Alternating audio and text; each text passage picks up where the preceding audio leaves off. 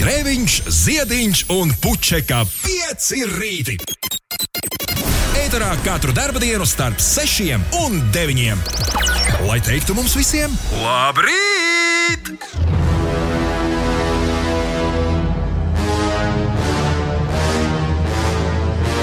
Wow, wow, wow, wow, wow, wow, wow, wow, yeah! Pagaidām, vēl tikai trešdiena, ja? Tā nav.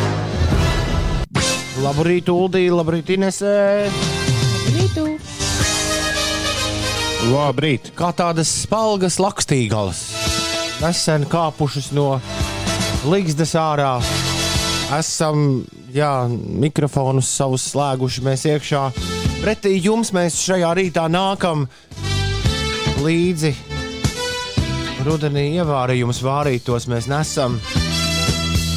Tos jāliek uz pankūkām būs šorīt jums, kamēr mums ies vaļā raidījums. Nu, kaut kā mēram tā. Labrīt, trešdienā, 9. datums, šodien decembris, jā, Tabita un Sarmīte. Un uh, svin vārdu svētkus un ļoti tāds O, m- mammai dzimšanas diena. Fui, vārdu diena. Čau, čau, Vārda diena. Ulda māmas Sarmīte. Tad vārda diena vai Vārdu diena. Vārda, vārda. veicieni. Sveicienu Ulda mammai, jā, no visas sirds. Lai viss ir riktīgi forši. Tā, uh, tāds dūmakains mēnesis aiz loga. Tas droši vien tāpēc, ka Dagmārai. Tas droši vien tāpēc, ka Dagmārai Legantei, Elitai Veidemanai, Agritai Ikaun, es atceros, Agitai Ikauniecei, diriģentai, Kristam Luhairam, fotogrāfam, Džonam Malkovičam un Džudijai Denčai ir šodien dzimšanas dienas. Daudz laimes. Un uh, es šorīt, šorīt pieķēru sevi dungojot uh, pie sevis Ziemassvētku dziesmu, kur var, man liekas, dungot visu laiku uz riņķi, visu rītu. Un, uh, droši vien sakrist uz nerviem cilvēkiem, kas ar tevi kopā dzīvo. Vienīgā labā ziņa, ka manējie guļ visi. Bet, uh, bet pašam nu, nav jādomā nekas līdzi, jo visu laiku ir jādungo pilnīgi viens un tas pats. Jo dziesmā arī visu laiku notiek viens un tas pats. Un šogad mēs vēl pagaidām šo dziesmu neesam noklausījušies visi kopā, tāpēc kāpēc lai to gan neizdarītu šorīt? Labrīt! Slade un Merry Xmas Everybody. Dziesma, kuru var dziedāt visu laiku uz rīņķi, vienu uz rīņķi, vienu so here it is, Merry Christmas! Un, ja šo skaņdarbu e, esmu pārbaudījis, dzird Ziemassvētku laikā vairāk kā divas reizes, tad nu, var arī vienā brīdī sākt kliegt uz to aparātu, kas, nu, kas tur spēlē tās dziesmas. So, here it is. Merry Christmas. Noels Galahers. Viņam ir viskaitinošākā versija. Nu, tas viens Džeks no Oasis. Viņš vienreiz kādai radiostacijai par godu iedziedāja Merry Xmas Everybody. Paldies Dievam, nu, to nav tik viegli sameklēt. Klau, kā ir Xmas? Izrunā kā Xmas vai saka Kristmas? Es vienmēr saku Xmas. Jo man liekas, ka tas ir tikai rakstībā. Man arī liekas, ka tas tikai rakstots. Man vienmēr licies, ka, ja tā uzraksta, tad arī tā jāsaka. Merry Xmas. Man nav, es šajās dienās ne ar vienu angli nekontaktējos. Man liekas, ka tu vairāk čato ar angļiem. Paprasīji angļiem. To droši vien var sagūglēt arī. Gan jau kā kāds klausītājs zina. Vai Tas Xmas ir? sanāk, ka tikai raksta, jo tas X skaitās kā Christ, jā, tā kā kr krusts. Jā. Ne, es nezinu, man tā vienkārši ir licies. Tas būtu krustmas. Tāpat tās mēs jau arī sarunu valodā nelietojam tos savus izdomātos saīsinājumus eh, vārdiem, ko mēs lietojam tad, kad sarakstāmies. Nu, piemēram, saka kādu piemēru. Nu, mēs parasti lietojam, piemēram, kāpēc cilvēki raksta KP un C. Kāpēc? Tur jau var nesaka, kāpēc. Nu, droši vien ir vēl visādi piemēri. Pats skaņas parasti cilvēki izlaiž it kā taupot laiku. Mm. Nē, nu labi, mūžs dzīvo, mūžs mācies. Tā redzi, X ir no grieķu letera čī, kas ir pirmais grieķu, lete, grieķu vārda Merī Čičmas. Kristos, Kristos Kristus. burts. Nu jā, te ir vesels Wikipēdijā vesels raksts par Xmas. Sometimes pronounced Xmas, Re? Xmas. Bet typical pronunciation - Christmas. Merry Christmas. Skaidrs. Un tev jāizrunā tā, kā šo vārdu izrunā grieķiski. Burtu. Nu, kā tas ir? Kā tad tas ir? Nezinu. Bet uh, Šišma, šišmas, many šišmas, everybody. hri, hri, hri, man liekas. Trīs reizes atkārtojot. Hri, hri, hri. Jā, katrā ziņā tas, ka Iksmas nākot no kaut kāda baznīcas noliedzēja mēģinājuma izņemt to kraistu ārā, tā nav taisnība. Tas esot, tā esot mm, pilsētas leģenda. Pagaid, to mēs nekur nebijām uh, dzirdējuši. Nu, tā runā, un, un es zinu, ka Donalds Trumps ir liels Kristmas aizstāvis, un viņš uzskata, ka nu, tur vēlas ļaudis vispār aizliegt šo te un aizvietot ar holiday, bet nu, jā. Nu, ir tāda bauma, ka tas X-mas esot tāpēc, lai tas esot nu, nosnotās baznīcas, bet tā, tā ir tikai bauma. To es arī tepat Wikipēdijā lasu. Happy New Year. ميري كريسمس هابي نيو يير هيك ميري مرسمس Happy New Year. اوكي يلا بنشوف ميك مسمس Happy New Year. يلا. شوية ميرك مسمس Happy New Year. Laburitos raksta Tomo, X-Files, X-Men, X-Mas, kas tālāk? Nu, tālāk būs uh, X, X-vāris. Tad, kad pienāks janvāris. Labrīt, šais trešdienas rītiņā mums uh, sūta Bauskas lācis, un Emīls ir ceļā uz Tallinu. Kopā ar mums Emīls, lai forši braucis, lai nav slidens, lai nenāk meža zvēru uz ielas, ne bet uz šoseis, lai, lai viss kapa sviestu šajā rītā. 293, 1202, Bauskas lācim, Tomā un Emīlam šis numurs ir ieprogrammēts iekšā tālrunī. Jā, ja tu pilnīgi netīšām pēkšņi šajā rītā dodoties ceļojumā pa Latvijas frekvencēm, pirmo reizi mūžā es uzdūries šai frekvencei. Es esmu sveicināts, dārgais frekvenču ceļotājs. Šis ir Latvijas radio 5, 5 LV radiostacija, kur spēlē visvisādu foršu mūziku, vāc, um, vāc ziedojumus un uh, naudu labdarībai. Radiostacija, kur stāsta, kas notiek regulāri. Un šobrīd, piemēram, 6.15 ir pareizais laiks, un Inês stāstīs, kas notiek. Aiziet, Inês! Šajā rītā Latvijā, Sēlijā un lielākajā daļā vidzemes ir skaidrs debesis. Gaisa temperatūra zem tām pazeminājusies līdz pat mīnus 6, mīnus 8 grādiem. Latvijā šodien būs mainīgs mākoņu daudzums. Lielā valsts daļā spīdēs saule, vietām kurzemē un nedaudz īslaicīgi sniks. Pūšot lēnam austrumu, dienvidu austrumu vējam, gaisa temperatūra pēcpusdienā būs 0, mīnus 5 grādi. Rīgā izklīdīs mākoņi un arī tur spīdēs saule, vējš mērena būtīt no dienvidu austrumu puses un gaiss iesils līdz mīnus 1, mīnus 2 grādiem. Savukārt, ja mm, rīt un parīt eh, diennakts vidējā gaisa temperatūra saglabāsies negatīva, tad 7. decembrī Latvijā kopumā būs iestājusies meteoroloģiskā ziema. Tas nozīmē, ka ziema sākās eh, tad, ja piecas dienas diennaktis pēc kārtas vidējā gaisa temperatūra ir 0 grādu vai zemāka.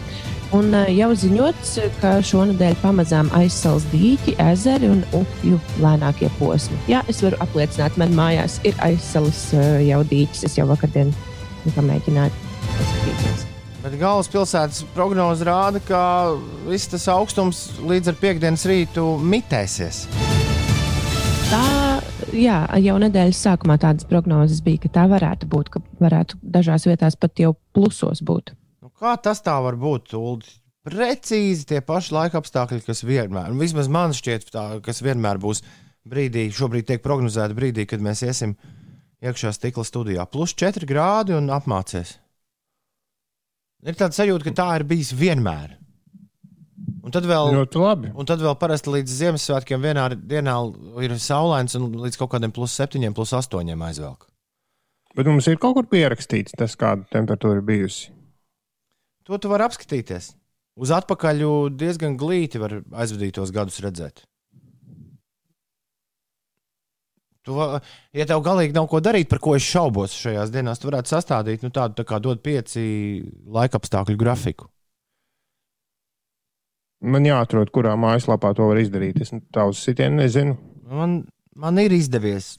It īpaši tur tie pēdējie jautājums, vai tu tik ātri 2014. gadu atradīsi. Bet tu sagūglēsi, tas, ko tu vari izdarīt, tu vari sagūglēt laika prognozes. Nu, proti, jebkurš portāls taču tās publicēja tajā laikā. Bet, eh, bet, bet, bet jā, kaut kādi pēdējie gadi parasti ir ļoti ātri, viens un divi sadabūnami. Dārgais frekvenču ceļotāji, kurus uzrunāju pirms uh, maza mirkļa, frekvenču ceļotāji, tu esi trāpījis arī rīta pārraidē, vienīgajai šādai rīta pārraidē Latvijā, kas ir uh, super attālināta, kur cilvēkiem nav jāsēž maskās vai ar kaut kādiem, uh, ar kaut kādiem plasmasas pribambasiem priekšā, kurus, uz, kurus daudz uzskata, ka var lietot masku vietā. Patiesībā jau kvalitatīva ētera nodrošināšanai ministra kabineta noteikumos ir punkts, ka var arī elektronisko līdzekļu darbinieki arī studijā atrodoties šādus nelietot. Bet nu, mums prieks par kolēģiem, kur lieto. Tas, ko es gribēju teikt, mums nekas nav jālieto, jo mēs katrs atrodamies savā mājās. Es esmu savas mājas garāžā, kur ir uzbūvēta Dexter laboratorija, un es esmu pieslēdzis uh, Uldunines sev planšetē, kur stāv puķēs. Līdz ar to es caur puķiem skatos uz Ines un Uldi šajā rītā.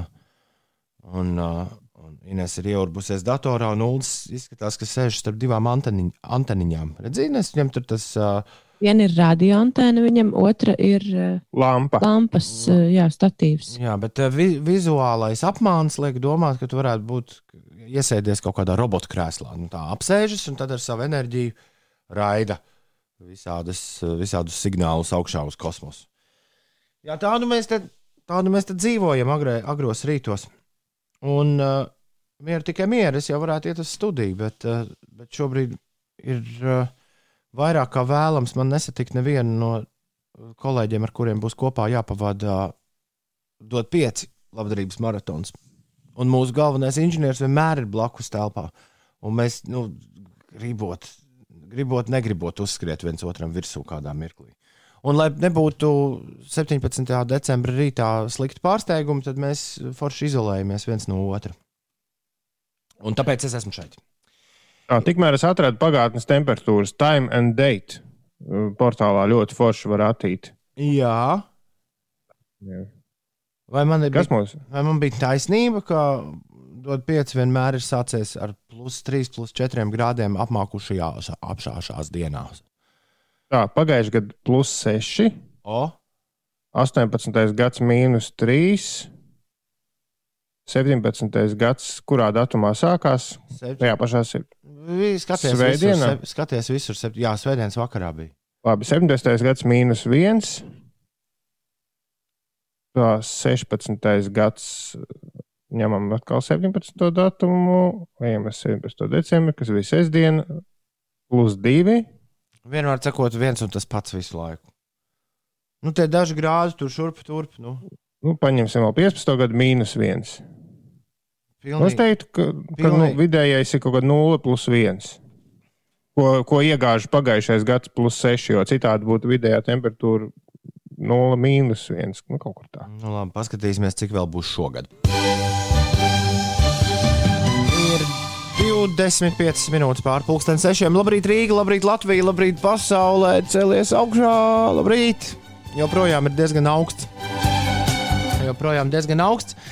Bet uh, Ulim ir vēl augstāks. Re, kur mums Somijas Ulas raksta, labrīt no pavisam neierastajiem mīnus 9 grādiem Somijā. Beidzot, neliels drebulis līdz kaulam, no ko pēdējais sprints darbā līdz Ziemassvētkiem, un tad jau pienācīga atpūta. Un um, es te vienrīt runāju par, par dāvanām, kuras pašam sev dāvināt Ziemassvētkos, un pieminēju kebabu aparātu, nu, miniatūrā. Es vēl tieši vakar, vakar izrāvu vecāko dēlu no Launagas skolā, pareizāk sakot, viņš netika pie Launagas, viņam ēst gribas pēcpusdienā, un mēs iegājām kebabnīcā, paņemt uz mājām kebabus, un es vēl viņam rādīju lielo aparātu un teicu, es gribu sev tādu maziņu. Un uh, Uldis Pikts, ka viņš nav uzzinājis, kur to kebabu aparātu var dabūt, man liekas, ka mēs visas, nu, visas zīmes norādījām pareizā virzienā. Galu galā šī raidījuma pamatdoma nav stāstīt, kur var nopirkt mazus kebabu aparātiņus. Klau, bet kā tur to gaļu dabūt? Vienkārši lietas uh, klasiskās karbonādes saliec vienu uz otras. Uh, tas, tādā- ir viens no, tas ir viens no variantiem. Tas ir viens no variantiem. Tad tu vari palasīt, ir, ir vēl visādi, variants. Starp citu, es atradu YouTube pamācību, kā tu vari kebabu uztaisīt, nu, to kebabu gaļu sataisīt arī tā, lai viņi ir tāda, tādā kons konsistencē, kā viņi ir uz tā uh, durkļa, ka tu vari vienkārši krāsnī uztaisīt. Bet nu, tā ir tāda, vai ne? Tā ir tāda šmaukšanās. Jo man liekas, ka vairāk par to, kā tur, kā tur tas viss garšo, man liekas, tieši tas process un tā, tas, ka tev ir kaut kāds tāds maziņš, kas griežas. Iedomājieties, Ulu, kā tas Instagramā izskatīsies. Vareni vai ne? Uh, vienīgi es kā laikam esmu nolēmis sevi pats vairāk apdāvināt bišķi pēc Ziemassvētkiem, nevis pašos Ziemassvētkos. Man ir milzīgs prieks par to, ka visas. Uh, jā, jā Ulu vienkārši ieraksti. Nu, Ieraksti Google, small kebab machine, European Mini Union, kebab grill to sauc. European Union delivery, enter. Bet ir uh, 9. decembris. Nu, uh, lai gan teica, ka mūsu platuma grādos pie šī brīža piegādes apstākļiem, kāds 15. decembris, man šķiet, ir pēdējais brīdis, lai internetā kaut ko pasūtītu. Tas, tas dikti droši nebūs, bet es biju pārlieku. Jā, pārsteigts par to, cik ātri man tas atradās. Vēl man tas agrāko, agros, agrākos laikos mēdz arī novembra otrajā pusē, jo mēs ar e-komerciju esam draudzējies ļoti ilgus gadus. Mēdz būt gadījumi, atceros vienu konkrētu, ka, bet tas arī bija gads, kad pēkšņi daudz ļaudis no nekurienes bija nolēmuši Ziemassvētku dāvanas pirkt internetā, un tad viens veikals apstājās liels. Jā. Un man šķiet, es novembrī beigās pasūtīju visu, ko man vajag, un tas viss ieradās kādā 3. vai 4. janvārī. Pēc tās reizes viņi visu kaut ko ir mēģinājuši uzlabot, un pandēmijai iesākoties, tur tas viss ir uzlabots tik tālu, ka viss pie mums ir klāts nu, burtiski nedēļas laikā. Ineses grāmata, piemēram, ko Ines pielika klāt manam Ziemassvētku dāvanu pasūtījumam, stāv lepni virtuvē. Jā, kad diez un kā es to dabūšu? Tas ir ļoti labs jautājums. Labrīt, kebaba gaļu var nopirkt Rīgā, raksta Mārcis, jā, bet otrs tās mazās mašīnītes diez vai uzliks virsū. Un otrs, diez vai tu gribi to pašu gaļu, kuru viņi tur griež tajā kebabnīcās. Nu, dzirdē, dzirdētas ir, visā, dzirdēt ir visādi stāsti par tās kvalitāti. Tā ir no Polijas, ja, cik es saprotu. Jā, nu. Bet to doma ir tā pareiza. Man liekas, ka tur var pa vidu, piemēram, sasprāst dārzeņus, un tad jau tur sāk kaut kas interesants veidoties. Nu, tā kā kārtās tu lietas ulu. Gaļa, dārzenis, gaļa, dārzenis, gaļa, dārzenis. Bet, jā, principā pats nomarinē, ko un kā tu vēlies, un tad lai tas tur griežas. Un tajā mini-grila aparātiņā var arī cept vistiņu. Man ļoti garšo ceptu vistiņu. Bet, nu, vai ir jāuzdāvina sev Ziemassvētkos kaut kas, kas palīdzēs uzēsties nākamajā gadā? Nu, tas vēl ir. Vienmēr sakot, es neesmu sev pasūtījis mini kebabu mašīnīti, bet es par to ik pa laikam turpinu sapņot. Pie tā arī paliksim. Un, Ulu, es ceru, ka tu tiksi pie savējās. Tu esi Somijā, ieej kādā. Daram, Ulu, ka šo var nopirkt Somijā, kādā no saimniecības preču veikaliem. Ieej vienkārši lielā saimniecības preču veikalā, ja tāda strādā tur, tur šobrīd. Par Somijas ierobežojumiem mums te nekas īsti nav zināms. Vakar es sūdzējos, ka šeit garāžā, no kuras es raidu, ir diezgan augsti. Un uh, mūsu klausītāja Ļona sadzirdēja šo. Un, uh, es, gan, es gan viņu bišķi pazīstu, jā, vairāk nekā tikai un vienīgi mūsu klausītāju. Bet Ļona man atrakstīja, ka viss nav, nav iespēja nekādā veidā atteikties, jo viņa ved savu mājas elektrisko sildītāju man. Un vakar pussešos vakarā man tas, ierad, tas ieradās pie manis. Es jums teicu, ka šeit ir augsti un es pirktu elektrisko sildītāju, jo te būtu jāpavada vairāk mēneši, bet tā kā es esmu tikai nedēļa, tad kaut kā ņemšu un izturēšu. Bet Aļona teica, nē, nekā nebija, un vakar atveda man elektrisko sildītāju. Šorīt divreiz noraustījās pirmā dziesma, jo es elektrisko sildītāju viņu acīm redzot nevajag kustināt. Un, ja godīgi, jā, manā Dextera laboratorijas vadu muģeklī vispār neko nevajag kustināt. Bet uh, tas ir unikāli. Es visus tehniķus apskaužu par to, ka viņi spēj kaut kādā veidā sasprāst vadus tā, ka nerodas muģeklis, jo es to nemāku. Man viss ir absolūtā muģeklī. Bet, uh, bet es sapratu, es biju sildītāji nolicis sev pa kreisi, un es sapratu, ka nē, tas galīgi nekam nedara, ja tikai no vienas puses nāk siltums. Bet tā kā man nav divi sildītāji, kurus nolikt sev gan labajā, gan kreisajā pusē, tad es nolēmu pabīdīt sildītāju zem galda. Ugunsdrošība ir ievērota, ūdens, tad nekas nevar aizdegties. Tas ir eļļas sildītājs. Nav nejausmas. Nu, droši vien, jā. Viņām ir poga ar ventilatoru. To es pirmo reizi redzu. Viņam klāt ir ventilatoriņš. Ja to, O. ja to pogu nospiež, tad viņš sāk rūkt. Es ieslēgšu. Es nezinu, vai jūs varat dzirdēt. Es ļoti labi varu dzirdēt, ka viņš ir sācis darboties. Bet jūs iespējams, ka nevarat. Nē, Kāpēc viņam ir ventilatoriņš, to neprasiet. Bet labi, slēg, slēgšu ārā. Es viņu pastāvu zem galda, un tagad Ines ir brīnišķīgi. Es ar jums runājos, un man zem galda šī te. Man zem galda ir ļoti, Sildās ļoti kājas. silts. Man ir siltas kājas, un man sildās rokas. Vai tas ir jauki? Mīļš, paldies! Es Aļonai. savukārt, laikam, esmu pieradusi tik ļoti pie augstuma, ka es biju izskrējusi ārā šorīt, un man likās, ka ir diezgan silts. Mm. Bet, laikam, jau tomēr nē, ārā ir mīnusi vēl joprojām. Ārā ir mīnusi, ārā ir tumšs. Ir ā, 6,32 minūtes pareizais laiks. Un pat ja ārā ir mīnus un ārā ir tumšs, ar tevi kopā pieci rītī. Toms Grēviņš, Ines Pučeka, Uldis Ziediņš un nākamās minūtes arī Loreta Reide un Sārģēja. Šis ir viņa jaunais singls, kurš sauc Stāvi. Ah, kurš sauc Stāvi manā priekšā tu. Atrodoties šķūnī, man nav tā gudrā mašīna, kur rāda, cik ir palicis līdz dziesmu.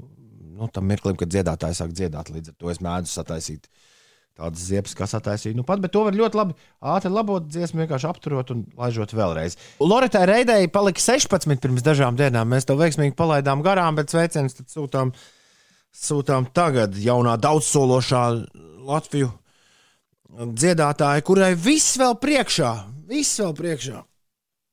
Un gan jau mēs sagaidīsim no viņas lielas lietas arī, arī vēl vairāk kā 16 gadus. Tā kā, un uz priekšu, es domāju. Tā kā tik uz priekšu, Loreta, lai tev viss uh, feini. Ir uh, 6,36. Labrīt! Tā, jo, jo tālāk, jo trakāk. Inesē ir. Ines, Ines ik pa laikam šajā nedēļā. Ines ir pārvākusies uz laukiem. Ik pa laikam Ines es. uh, Nu, vārdus, kurus Ines saka, pavada tādu tā kā. Tarkšķoņi. Parunā, parunā Ines bišķiņi. Uh, es uzgriezīšu, varbūt arī tā, lai vispārējie var dzirdēt, kā tu runā. Jā, paparunā Ines Jā. Paldies! Nu, Visvairāk man interesē tas, vai tiešām arī ēterā to var dzirdēt, un cik bieži tā tirkšķoņa vai tikšķēšana ir tajā laikā, kad es runāju. Tirkšķi. Sanāk tā, ka ik reiz, kad tu saki kādu vārdu, tev līdzi nāk tāda tuk, tuk, tuk, tuk, tuk. Tā tā ir kā aiz tevis aiz muguras būtu vīrs, kurš ir dabūjis ļoti daudz to plēvi, kurā kādreiz, vairs nē, starp citu, bet kādreiz saņoja iekšā visādas, visādas mantas, kuras sūtīja Nē, internetā. vēl, vēl joprojām tādā. Man vairs nesūta tādā. Jā, bet uh, tur varēja, vai ne, vienkārši sēdēt un. Augšķināt pēc tam, jā. jā, ir sajūta, ka tev kāds paukštinātājs vienkārši ir blakām. Un tad tie nav tie tāda veida tikšķi, kādi eh, man likās, ka ir. Bet uh, mēs vakardien ar tēti veicām nelielu, nu, ne gluži izmeklēšanu, bet uh, viņa, viņa minējums, eh, kas tos tikšķus varētu radīt, ir elektriskais gans, jo viņam ir uh, lopiņi mājās, kas uh, dienas laikā vēl iet ārā, pastaigāties svaigā gaisā un paēst. Un, uh, viņš teica, ka tam elektriskajam ganam ir nezinu, magnētiskais lauks vai kāds tur lauks, kas, kas nu, dod tādu tikšķēšanu visapkārt. Viņš pats ir novērojis to, ka tad, kad tas ir ieslēgts, tad, ja piemēram ārā klausās eh, radio, tad arī radio dzird to tikšķēšanu. Uldis domā, ka elektriskais gans ir manā istabā. Jā, Uldi, lai neviens manā istabā neierāptos. Nu, vēl tumšāks scenārijs, lai tu netiktu ārā, bet nu, labi, neiesim tajā virzienā. Uh, Klau, bet tu esi diezgan struntīgs gans. Jo viņš jūs emūs trausu nenoganīja. Ai, nu, tas strauss dzīvo citā mājā. À, tas viss ir sarežģīti. Nu, Tas Un- viss ir sarežģīti. Un tur jā. nav elektriskais gans. Nē, Un strauss nav atradies. nē. Tā pierakstu. Strauss nav atradies. Strauss nav atradies. Jā. Man jau aiz, nu, lēnām kļūst uh, Nē, es vairs tik optimistiski noskaņot. Vienaldzīgi tu kļūsti, jā, es jūtu. Nē, Mēs ne taču- jau, ne jau vienaldzīgi. Ko tu izdomā pats visādus scenārijus? Ne jau vienaldzīgi, bet es uh, drīzāk realistiski kļūstu. Ka, nu, man liekas, ka nebūs tas stāsts ar laimīgām beigām. Bet Ines, tas strauss ir Strausa burgeri ātrs. arī ir, uh, ir, ir Ziemassvētku plāns. Labi, neklausies, ko Toms tur runā. Strauss ir ātrs, vai ne? Diezgan, man Nu, liekas. re. Tātad no zvēriem, zvēri šobrīd ir resnijos, uzbarojušies uz ziemu. No zvēriem viņam nav pārāk jābaidās. Un viņi guļ. Daži. Nu, Jā, Plēsēji teica, zvēru pazinēji lielākie. Nu, labi. Bet strauss ir ātrs, un mēs taču lasījām, ka, ka esot tas gada sākumā strauss četras nedēļas blandījās apkārt. Badā viņš nomirt nevar, jo viņš ēd visu. Ziemā, Zāli un jā, graudus. Vis, visbarojošākie jau ir graudiņi. nu jā, gan jau viņš ticis pie kaut kur zemgalē, jums tur zemgalē ir pilns ar tiem graudu elevatoriem. Viņš ir kādā tādā ticis un guļ tur un muti pavērts tikai. Edgars, Edgars. Edgars raksta, ka es esmu vienīgais, kuram kaut kas tirkšķi, nekas inesē netirkšķi, jums pašiem tirkšķi. Nu, labi. Jā, paldies, Edgars! Un Liena prasa, kas izpilda to foršo dziesmu, kurā ir teksts tu un kaķis un es pie vislētākās plastmasas eglītes. Tā ir zinu. Nu, jā, tad pasaki. Kato. Tā ir kato. Kato. Mēs kaut kad iespējams šorīt šo dziesmu uzspēlēsim. Iespējams, ka nē, Liena turpina klausīties, lai uzzinātu, kā nu tas būs. Bet tagad manā sistēmā ir ievadīta, un līdz ar to arī tavā sistēmā ievadīta cita Ziemassvētku dziesma. Dziesma spāņu valodā. Feliz Navidad! Jose Feliciano! Merry, Merry Christmas. Happy New Year. ميري كريسمس هابي نيو يير Merry- Merry Christmas. Happy New Year. اوكي يلا بنشوف Merry Christmas. Happy Happy New Year. Yeah. شوية Merry Christmas. Happy New Year. Merry Christmas. Klausies, kas tev ir ar šito dziesmu? Vīres? Tas nebija pārliecinoši jauks. Tieši pirms Jose Feliciano iedziedājās Feliz Navidad. Nezinu, man nepatīk šī dziesma. Šī ir, man liekas, kaitinošākā Ziemassvētku dziesma. Ir daudz citas jaukas. Vēl mums jānospēlē rūda kaitinošākā Ziemassvētku dziesma, un tad mēs būsim ar visiem saviem demoniem tikuši šodien galā, jo manējā iesāka raidījumu. And so Kur- it is Merry Christmas, everybody's having fun. Tā tev nepatīk, ja? Vairāk kā vienu vai divas reizes svētku sezonā pavisam noteikti. Ne, bet Man ir Feliz līdzīgi. Feliz Navidad es varu daudz klausīties. Feliz Navidad. Man ir līdzīgi. Man, man nav tādas izteikti kaitinošākās, ja es neesmu to dzirdējis vairākas reizes. Es man liekas, kaut ko runāju par Smashing Pumpkins dziesmu vienreiz. Uzliksim, uzliksim. Nu, pēc maz mirklīša. Bet tad tu secini, ka nemaz nav tik sli- slikti. Tā ka man. Es pagaidām pievienojos pie slēdza pulciņa, ka tā ir kaitinošākā. Ir 45 minūtes pār 6 minūtes, kas notiek. Jā, par laikapstākļiem mēs noskaidrojām, ka ārā vēl joprojām ir mīnus. Dažviet jau salst cieti dīķi, ezeri un upju lēnākie posmi, bet uh, par sportu KHL vienība Rīgas Dienāmo šodien viesos tiksies ar Čerepavecas severstaļu spēlētājiem. Spēles starp abām komandām Čerepavecā sāksies pulksten 6 vakarā pēc Latvijas laika. Mazliet arī par futbolu. Barcelona UEFA Čempionu līgas mačā savā laukumā cieta sagrāvi pret Turīnas Juventus ar rezultātu 0-3. Un Leipzigas spēlētāji gūstot divus vārtus pirmo 13 minūšu laikā ar rezultātu 3-2 pārspēja Manchesteras United spēlētāju stādījādi, iekļūstot izslēgšanas spēlēs, kamēr Anglijas klubs sezonu turpinās Eiropas līgā. Malači, kabači. Jā, man kaut kā liekas, ka par to tev nevajadzētu baigi priecāties. Es ne? izskatos ļoti priecīgs. Iepriekšējās dziesmas laikā tu izskaties priecīgs. No, tur laikam. bija Feliz Navidad. Tomēr pateicis bēdīgas ziņas, ja? Nu, neko, nu, ko, nu, tā dzīve. Nu. Bet nekas futbols turpinās Jā, Eiropas līgā. nekad nebeidzas. tā ir. Tā kreipāns ar tā saka. Ir 6,46 minūtes. Vakar arī publicēti ir uh, pasaules čempionāta uh, uh, futbolā kvalifikācijas pulksteņi un datumi. Mums būs pavasarī tāda kārtīga futbola tūre, un, un rudenī nākamgad tāda kārtīga futbola tūre. Un var jau būt. Jā, nu, jā, kamēr nav komanda izgājusi uz laukumu, nav jau pamats domāt, droši vien arī pretējo, bet nu, nav arī do, pamats būt ļoti optimistiskiem. Bet, nu, jā, viss kaut kas var gadīties.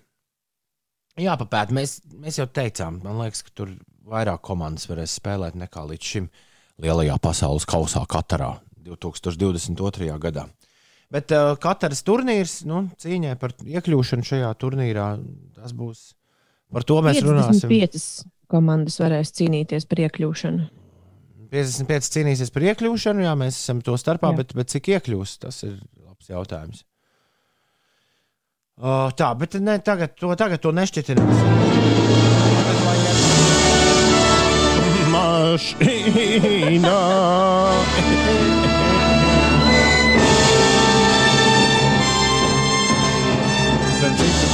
Jā, Jā, jā, es jā. jums neesmu stāstījis par savām. Uh, Nevis aizrīšanās, bet nu, ka, nu, kā to sauc, ka kaut ko ierauj rīklē un uznāk lepus.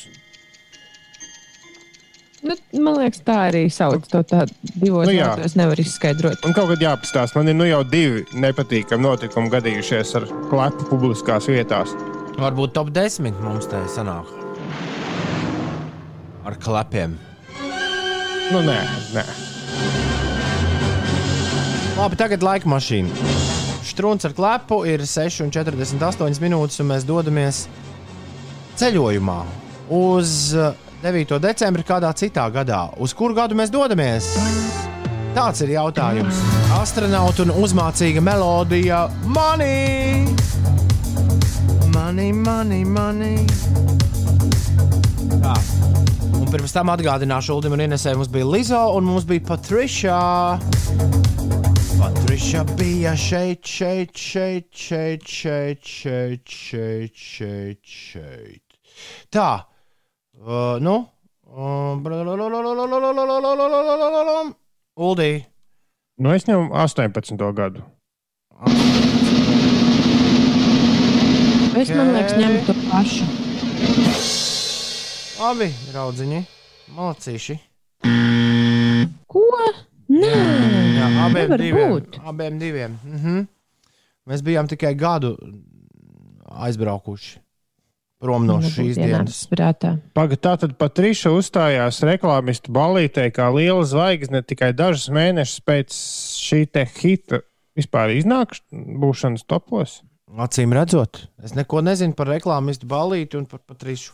Sensīts, Dai- es zinu to, ka Sensīts Dainis, Evita Māris, Peka, Rudais, Demba, Agnese, Kristiāns no Bauskas puses, Pūce, un Arnis, un Sofija, un Girts, un Artis, un diplomāts ir visi tikuši pie iespējas aiziet un apēst kaut ko ekstra garšīgu pie saviem personīgiem leduskapiem, jo viņi ir atbildējuši pilnīgi pareizi uz šo uh, laika mašīnas mīklu. Nu, to pareizi arī izrisinājuši. Apsveicam jūs, draugi, mīļie, no visas sirds. Ui! Vēsīgs, bet uh, mierīgs rīts. Pagaidām neviens, pagaidām neviens nav sūdzējies par kaut kādām megaziepēm. Ja ir jāpasūdzas par megaziepēm, tad atrakstiet 293, 202, 293, 202. Labrīt, man ir aizdoms, ka Inês brīvā laikā klausās vienu citu radio rakstu ārnes, jo tur reklamē kartupeļu cieti visu laiku. Nē, Inês brīvajā laikā visu laiku ķīseltājas, tāpēc viņi visu zina par kartupeļu cieti.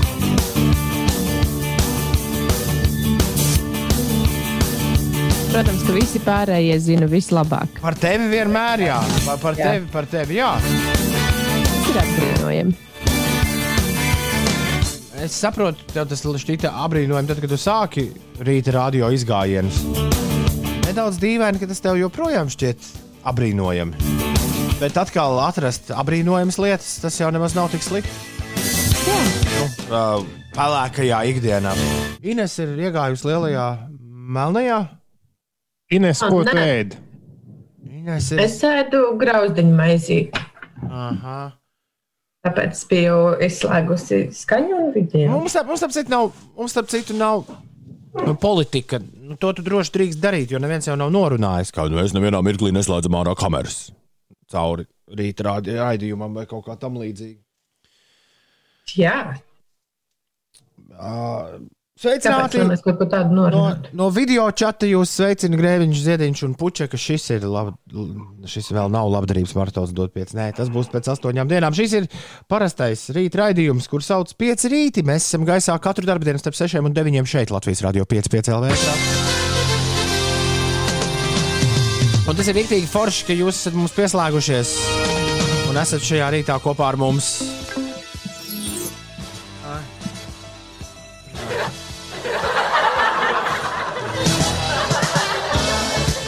Es pārbaudīju savu jinglu mašīnu, vai tur nav kaut kas, kaut kas mums derīgs, bet šķiet, ka nav gan. Nē, esmu mājās ielādējis. Boties Rīgā, Latvijā vai kaut ko tamlīdzīgu. Varbūt arī tu tur var salikt pats uz podziņām, ko vajag. Ja? Nu, it kā jā. Kā var. Bet nu, to varbūt kādu citu rītu. Bet abitai un sarmītai šodien ir vārdu svētki. Sveiciens visiem! Mammu, daudz laimes vārdienā. Un mamā, čau! Jā, 9. decembris, Tabita un Sarmīta kalendārā, Dagmārai Legantei, Elitai Veidemanai, Agitai Ikauniecei, Kristam Luhairam, Džoram Malkovičam un Džudijai Denčai daudz laimes dzimšanas dienā! Lai jums viss izdodas,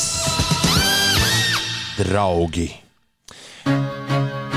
Šī dziesma ir gandrīz Ziemassvētku dziesma. Ļoti labi to iedomāties skanam, tad, kad ir tāda liela zāle, jau ne kādā pilī, un grazna, grazna eglīte. Labrīt, visapkārt. Kā jums iet? Vai viss kārtībā ar satiksmi? Es ceru, ka ir. Es ceru, ka Inês ar mums var pastāstīt, kas notiek. Jā, ar satiksmi viss ir kārtībā. Izskatās, ka nu, jau tiešām daudz cilvēku strādā no mājām, un tā kā arī bērni, nu labi, 1 līdz 4 klasu bērni gan ir jāvada droši vien uz skolu, bet uh, ar sastrēgumiem Rīgas ielās viss ir kārtībā, tie praktiski nav. Un arī uh, Latvijas valsts ceļi ziņo, ka situācija uz valsts autoceļiem ir apmierinoša. Tiesa, vēlāk šīs dienas laikā kurzemes pusē nedaudz īslaicīgi sniks, tas gan var mazliet pabojāt uh, situāciju uz autoceļiem. Jā, par laikapstākļiem eh, Latvijā būs mainīgs mākoņu daudzums. Lielā valsts daļā spīdēs saule, un, kā jau teicu, vietām kurzemē nedaudz īslaicīgi sniks. Pūšot mērenam austrumu, dienvidu austrumu vējam, gaisa temperatūra pēcpusdienā būs 0,5 grādi. Rīgā arī mākoņi izklīdīs, uzspīdēs saule, un vējš mēreni pūtīs no dienvidu austrumu puses, un gaiss galvaspilsētā iesilsts līdz mīnus 1, mīnus 2 grādiem. Un, ja diennakts vidējā gaisa temperatūra rīt parīt saglabāsies negatīva, tad 7. decembrī pirmdien Latvijā kopumā būs iestājusies meteoroloģiskā ziema. Ziema iestājas tad, kad piecas diennakts pēc kārtas vidējā gaisa temperatūra ir bijusi 0 grādu vai arī zemāka. Mēs esam tuvu tam. Nu, feini! Ziema, draugi, mīļie! Būs šogad tomēr! Nebūs ziema, nebūs ziema. Būs ziema! Tūlīt sāksies. Kuram tas bija? Jā, kuram tas bija? Tam, tam. Ah! Jā, tā džingli palikuši. Kuras skan viens aiz otru. À, viņi tur vienkārši gāja uz riņķi. Ja? Nē, nu, pēc Ineses runāšanas viņi tur bija palikuši manā mājas. Džinglu mašīnā 7,21 minūte. Mieru tikai mieru. Cēlies augšā, re, kur aminēt un tautu meitas pie CLV. Kas tā bija par dziesmu par vislētākajām plasmas seglītēm? Prasa kāds klausītājs. Sāk izklausīties, ka mums ir jauna Ziemassvētku klasika, Ulduninas uzradusies. Tas ir forši. Tā bija dziesma, kuras sauc plasmasas eglīti, un to izpilda Kato. Jā, no visām tām solistēm, kas ir uzradušās pēdējā laikā, Kato atšķiras ar to, ka viņai mainās matu krāsa diezgan bieži, un viņa mm, iepina dziesmu tekstos ļoti daudz uh, nu, tādas, tādus sadzīviskus uh, jā, lielumus, kādus citas meitenes savās dziesmās neiepina. Nu, tā es teiktu. Šajā dziesmā arī tur viens pats mājās parādās, un, un, un kas tik ne. Kato un plasmas seglīti. To dziesmu, starp citu, bieži var dzirdēt mūsu Ziemassvētku radiostacijā. Es ar lielu prieku to katru vakaru, liekot bērnus gulēt, klausos Ziemassvētki 5 LV. Un man bija liels izbrīns, jo es nezinu, kā tas darbojas, jo šī radiostacija darbojas tikai un vienīgi pāris mēnešus gadā. Man bija liels izbrīns to atrast TuneIn servisā. Nu, daudzi ir bēdīgi, ka to nevar spēlēt no mūsu no mūsu aplikācijas, jo mūsu lietotne vairs netiek, tā teikt, nav neviens, kas to spētu atbalstīt. Tā ir veca lietotne. Jā, viena iespēja ir atvērt Ziemassvētku 5LV un spēlēt to arī, nu, piemēram, planšetē tieši no mājaslapas. Bet man vienā dienā tur kaut kas raustījās, un es domāju, vai tad, vai tad nevar tunin to arī uziet. Attēlus vaļā, ierakstu 5 Ziemassvētku, 5 galvenais ar burtiem rakstīt, un aiziet ir, jā. Tā kā labu jums arī Ziemassvētku radiostacijas klausīšanos es novēlu. Man ir liels lepnums par šo stāciju. Tu esi viņu paklausījusies, Ines, šogad jau. Ziemassvētkus es vēl neesmu paklausījusies. Es lepnums, tā kā tādam pulksteņmeistaram. Es esmu par to atbildīgs jau kopš 2013. gada, un man ik pa laikam šķiet, ka tā kā pulksteņmeistaram man tur labi ir izdevies visu salikt tā, ka tur tā kā tā kā zobratiņi, viena dziesma, otru maina ļoti precīzi un feini. Un visi šie jaunie Ziemassvētku gabali arī tur ir. Kā to jūs varat dzirdēt? Tā kā droši. Uh, Ziemassvētki 5 LV. Šī bija diezgan gara reklāmas pauze mūsu Ziemassvētku, arī, ar, jā, mūsu Ziemassvētku internetu radiostacijā. Ir 7,26. Mums ir jādodas tālāk, un tālāk mēs dodamies pie jauno vecāku rīta. Jauno vecāku rīts! Jauno vecāku rīts. Laiks manām visklausītākajām dziesmām Spotify 2020. gadā. Kā daudziem vecākiem, mans tops izskatās vareni. Numur viens ir šis.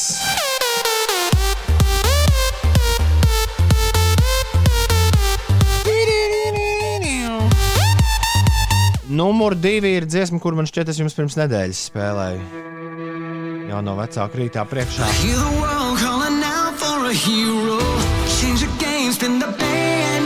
Ines teica, ka tā izklausās pēc Eirovīzijas dziesmas, un es teicu, ka vajag. Nē, nevis es teicu, es vienā dienā iedomājos, ka mums jāuzspēlē kādreiz spēle, kur sauc ir Eirovīzijas dziesma vai nav. Uz šo tu noteikti iekristu. Jā, Pokemon, ja? Tie ir Beyblade, Beyblade, Beyblade. Beyblade Burst Turbo. Un mana 2020. gada trešā visatskaņotākā dziesma Spotify ir.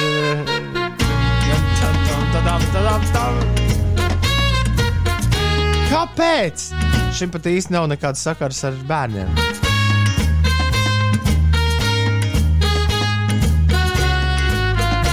El Bimbo no Policijas akadēmijas. Tas ir ā, bērniem.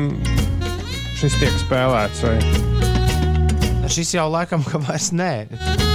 Bet šis man izbrīna vienalga. Ļoti iespējams, ka es šo esmu ielicis kādā bērnu playlistē, un tagad vienkārši par to neko neatceros. Tā gan varētu būt. Bet es zinu, ka tutas lietas ir rīktīgi daudziem vecākiem topā ar dažādas tutas dziesmiņas, tur ir nonākušas. Versiņa Jēvska veco labo es redzēju, jā, ar bērnu dziesmām kādu tēvu topā. Jauniem vecākiem šis ir, šī ir mīļākā lieta, ar ko dalīties pēdējā laikā. Sociālajos tīklos nenorakstu visus bērniem, tas ir tavs konts. Klausies droši vien tramvajā uz darba beiglaina dziesmu. Raksta Mārtiņš. Ņem par labu, Mārtiņ. Domā, tā, ko tu gribi? Es taču neesmu te nācis agrās rīta stundās tev mācīt, kā dzīvot? Tas noteikti nav mans, um, mans mērķis. Tā, es gribēju no Elbīmo pāriet uz kaut kādu fonu mūziku. Tas man tagad izdevās. Un jauno vecāku rīts ir klāts. Vai nu pat es vienu, kurš galīgi negribēja mosties atkal, kamēr dziesmas skanēja, modināja. Tā ir īstenībā labākā lieta. No, uh, tas tiešām ir pats labākais strādājot mājās, ka tu vari. um, Es vismaz varu arī pie reizes kopā ar rītu radio izbaudīt kaut kādas lietas, uh, vai pieredzēt drīzāk, baudīt, pieredzēt lietas, kuras es neredzu citās reizēs. Tā, piemēram, tagad man izdevās, izdevās pamodināt. Tiesā vecākais dēls bija tik ļoti piemīlis, ka man šķiet, ka varbūt pēc kāda laika man jāaiziet vēlreiz apskatīties, vai, vai nav kaut kas līdzams ar uh, mošanos. Bet jā, man ir paveicies. Man joprojām viens bērns dodas uz dārziņu, otrs bērns ā, dodas uz skolu, un tā tas turpināsies līdz pat ā, rītam, kad es pametīšu ģimeni un došos stikla studijas virzienā, un tur pavadīšu visu atlikušo laiku līdz Ziemassvētkiem. Nu, līdz ar to arī mums tās sarunas un, un tad gatavošanās svētkiem ir pavisam, pavisam savādākas. Es esmu priecīgs, priecājos. Vakar ar, ā, ar pēdējo kurjeru ir ieradušās pilnīgi visas Ziemassvētku dāvanas, ko es savējiem esmu sarūpējis. Man šķiet, ka 8. decembris tā ziņā ir rekords manā personīgajā mūžā. Vēl ir gan jāaiziet, ir tās sapakot, bet nu, vienalga. Ir tāda sajūta, ka viss ir, viss ir izdarīts, nu, kas bija jāizdara. Un novēlu pie šīs sajūtas jums visiem pārējiem arī visai ātri tikt. Jo nu, tā ir laba sajūta. Bet uh, joprojām ir aktuāls jautājums, ko salatētis darīs nu, šajos apstākļos. Un Ulas ir uzgājis kādu psihologu ieteikumu rakstu, ja? kurā tas ir sarakstīts. Nu, vai psihologi, vai vienkārši ieteikumi vecākiem, kā šajā gadā runāt ar bērniem par brīvdienām, par, par Ziemassvētkiem. Nu, kas tur ir? Kāds ir galvenais ieteikums? Galvenais ieteikums ir tas, ka bērni ir vecāku spogulis. Mm. Nu, ja tu uh, uz kādu situāciju reaģēsi slikti, tad rēķinies, ka viņi arī reaģēs uz to situāciju slikti. Ja tu grūzīsies, tad grūzīsies arī viņi. Un, un, un, bet to visu varot, no tā var tikt vaļā ar rūpīgu plānošanu. Pirmais ieteikums ir, visam ir vajadzīgs plāns.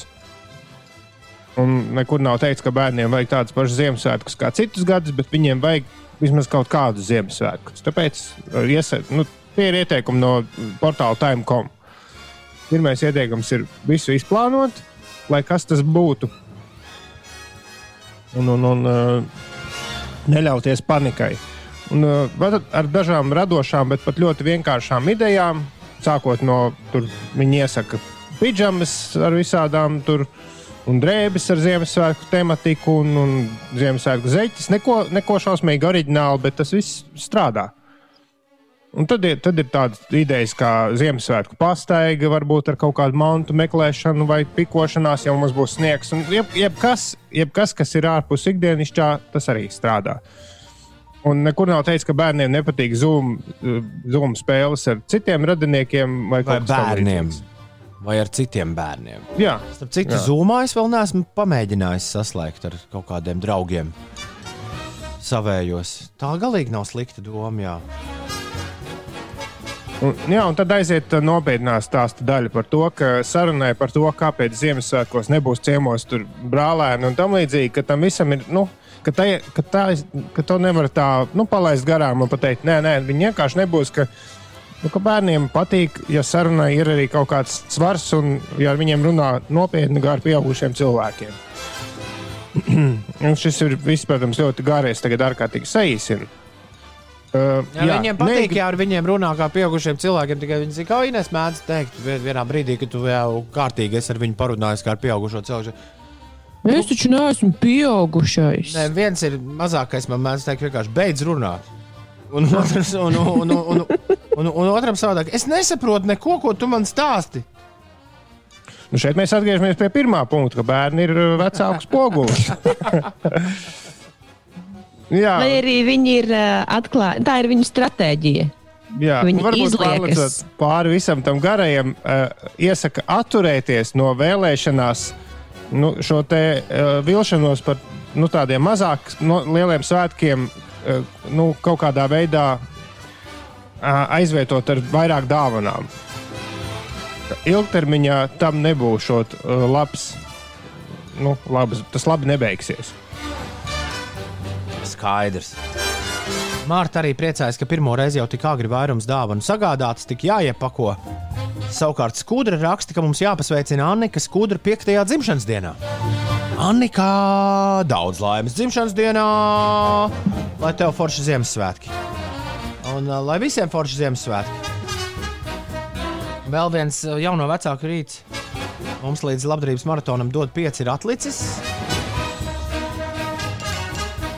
Jā, jaunie vecāki, ja jūsu bērni ir lieli zīmētāji, tad atgādinu, ka stikla studija ar lielāko prieku arī šogad gaidīs jūsu bērnu zīmējumus. Tos jūs varat, starp citu, sūtīt pa pastu uz Doma laukumu.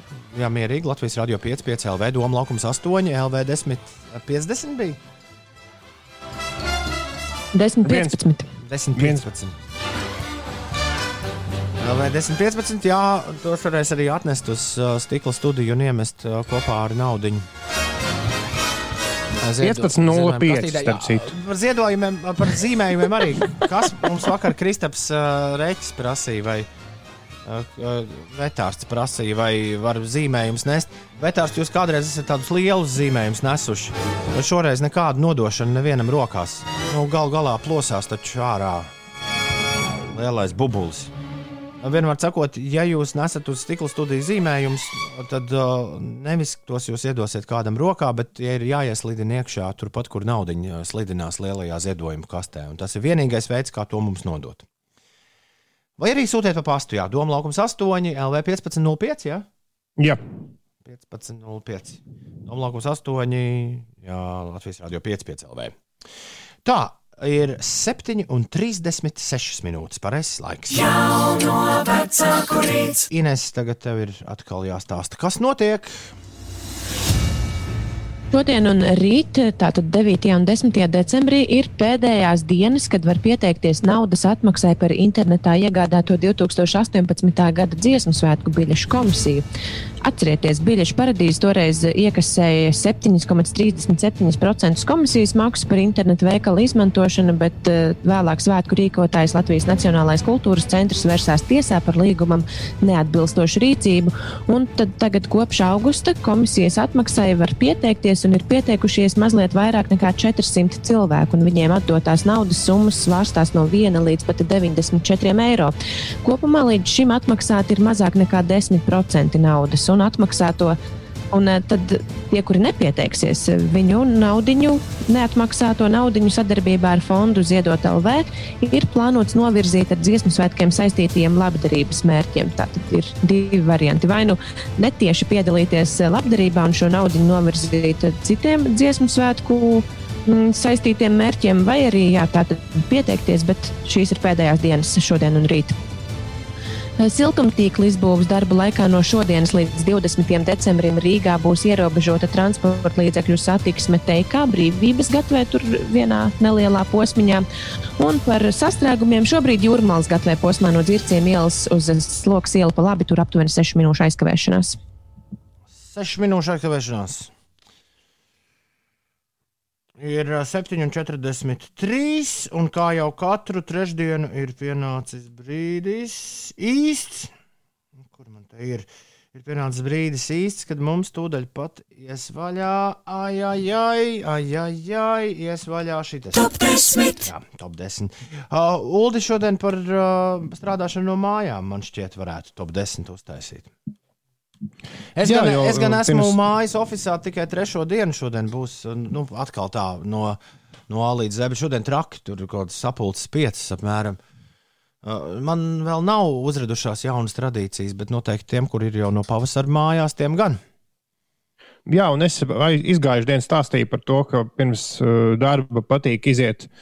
Iziet, uh, nu, pirms darba iesaku iziet mazu riņķīti ap kvartālu, kaut vai aiziet pēc kafijas, lai būtu tā sajūta, nu, ka tu esi aizgājis uz darbu. Un tad man bija saraksts Instagram ar Kristīnu, kas bija sapratusi, ka es pirms sešiem katru rītu eju ap kvartālu ārā nu, no rīta, lai būtu sajūta, ka es esmu atnācis uz rīta radio, un tad paskaidroju, ka tā tomēr nav. Bet, ja ir pēc tam kaut kādas sapulces, Otra lieta ir staigājošās sapulces, kas man ļoti patīk. Un, ja ir labs austiņu mikrofons, tad tu vari arī piedalīties sapulcē runājot, nevis tikai klausīties. Un vēl viena lieta ir, vakardien es sapratu, ka man visai neveselīga uh, tradīcija sanāca, jo man tikai gribējās kūciņu pie kafijas. Un ar, jā, ar tiem ēdieniem jāuzmanās strādājot mājās. Ines savukārt varbūt... ir pārvākusies uz laukiem, strādājot mājās. Jā, Man tādi īsti rituāli, laikam, nekādi nav. Viss, eh, vissvarīgāk ir eh, ļoti, ļoti ātri pēc pamošanās uzreiz ieslēgt dators, jo tas mans pašas dators ir tāds stipri, stipri lēnīgs, un tad, lai ēterā viss eh, daudz maz ritētu labi, ir svarīgi tos ātri, agri ieslēgt, lai viņi iesilst. Es klusi, Bet, jā, nu jā. Nē, es saku, Ines, lai arī, tu, lai arī tu izskaties lieliski, tu aizkadrā priecājies par to, ka var nekrāsoties. Ah, nu jā, var, var arī neizķemmēt matus, un pavisam noteikti var nekrāsoties. Jā. Es tomēr, Tādēļ es arī varu atļauties celties mazliet vēlāk. Es tomēr iedomājos vienu lietu, kas man nāk prātā, par ko es rīktīgi kaifoju tajā aizvadītās dienas. Es esmu par to es neesmu daudz ko stāstījis ēterā, jo īsti nav ko stāstīt, un arī jūs uh, abi divi nesat. Uh, nu, tā nav mūsu kopīgā interese, bet es te lēnām un mierīgi kaut kādu piecu gadu laikā sev esmu uzbūvējis ļoti teicamu tādu skaņas sistēmu mājās. Nu, proti, man skan mūzika daudz labāk nekā, nekā jebkur citur, kur es atrodos. Tieši sēžot klubkrēslā, mājās, tādā goda mūzikas vietā. Un tas ir rīktīgi forši vienā brīdī, tad, kad ir jādara tikai kaut kādas e-pasta lietas vai, vai vēl kaut kas, pārvākties uz to klubkrēslu, apsēsties tur uzlikt plati un klausīties muziku šausmīgi skaistā skanējumā. Jā, un, tādā, un to izdarīt pēkšņi darba dienas vidū. Man pat likās, jo es vienā gāju tur ar domu, ka varbūt varētu iesnausties un pagulēt, jo to man arī patīk darīt, tad, kad mūzika skan. Bet uh, paliku klausoties, uh, darot darbus, un, un sapratu, ka tā ir īstā vieta, kur ir jāstrādā. Nevis virtuvē pie galda, kas ir mans uh, otrs oficiāls. Kādas ir jūsu tradīcijas strādājot no mājām? To mēs vēlamies šodien apkopot top 10. 293, 1202, 293, 1202. Sastādīsim tradīciju top 10, vai ne? Jau visai drīz. 29, Jā. 3, 1, 2, 0, 2, 0. Jā, paldies visiem, kas piedalās ar izziņām mūsu ik trešdienas izklaidē, kur joprojām sauc par Top 10. Laižam vaļā, kāds ir šī rīta top 10. laiks to noskaidrot. Top 10. Šorīt top 10. desmit tradīcijas strādājot no mājām. Labrīt! Jā. Labrīt, labrīt. un labrīt, Laura labrīt. iesāk top desmitnieku. Viņai tā ir desmitā vieta. Viņa saka, labrīt, un arī viņa strādājot no mājām attālināti. Viņas tradīcija ir celties tajā pat laikā, kad uz darbu klātienē, un noteikti saģērbties normālās darba dienas drēbēs. Protams, ieslēgt arī piecēlvē. Paldies, Laura. 9. vietā anonīms, kurš raksta jau no pavasara darbu, jā, darbā jābūt reti daudz brīvā laika, tad no rīta esmu sācis iet peldēties un turpinu joprojām. Ja vien jūra neaizsals, turpināšu visu ziemu. Cik ir jābūt wow. grādiem, lai aizsaltu jūru? Kaut kāda minus 18, minus 20. Nezinu, man liekas, tur arī pie vainas ir mazliet vējš, jo ūdens kustās visu laiku. Labi. Astotajā vietā ir citrons. Viņš raksta, mans mājas oficiāls ir mana gulta, jo nav jāiziet no istabas. Tā, septīto vietu nepiešķir Ulas. Viņš ir tiesnesis šodien. Vienam. Mm -hmm. Sastāvā vietā arī nav. Piektajā vietā Jānis. Viņš raksta, labrīt. Pusstundu pirms darba sākuma cenšos izklaidēt kaķi un radīt sev ilūziju, ka viņš nogurs un netraucēs sapulču zvanos, kur ir arī video. Visai bieži tas, eh, diemžēl, nav strādājis. Foršu dienu. arī ceturto vietu mēs nevienam nepiešķiram. Trešo vietu gan piešķiram, rekupleks te atsūtīja.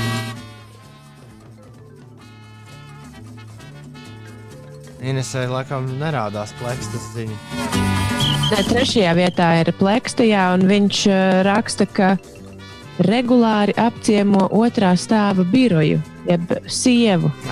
Vai kas ar to būtu domāts? Pleksta.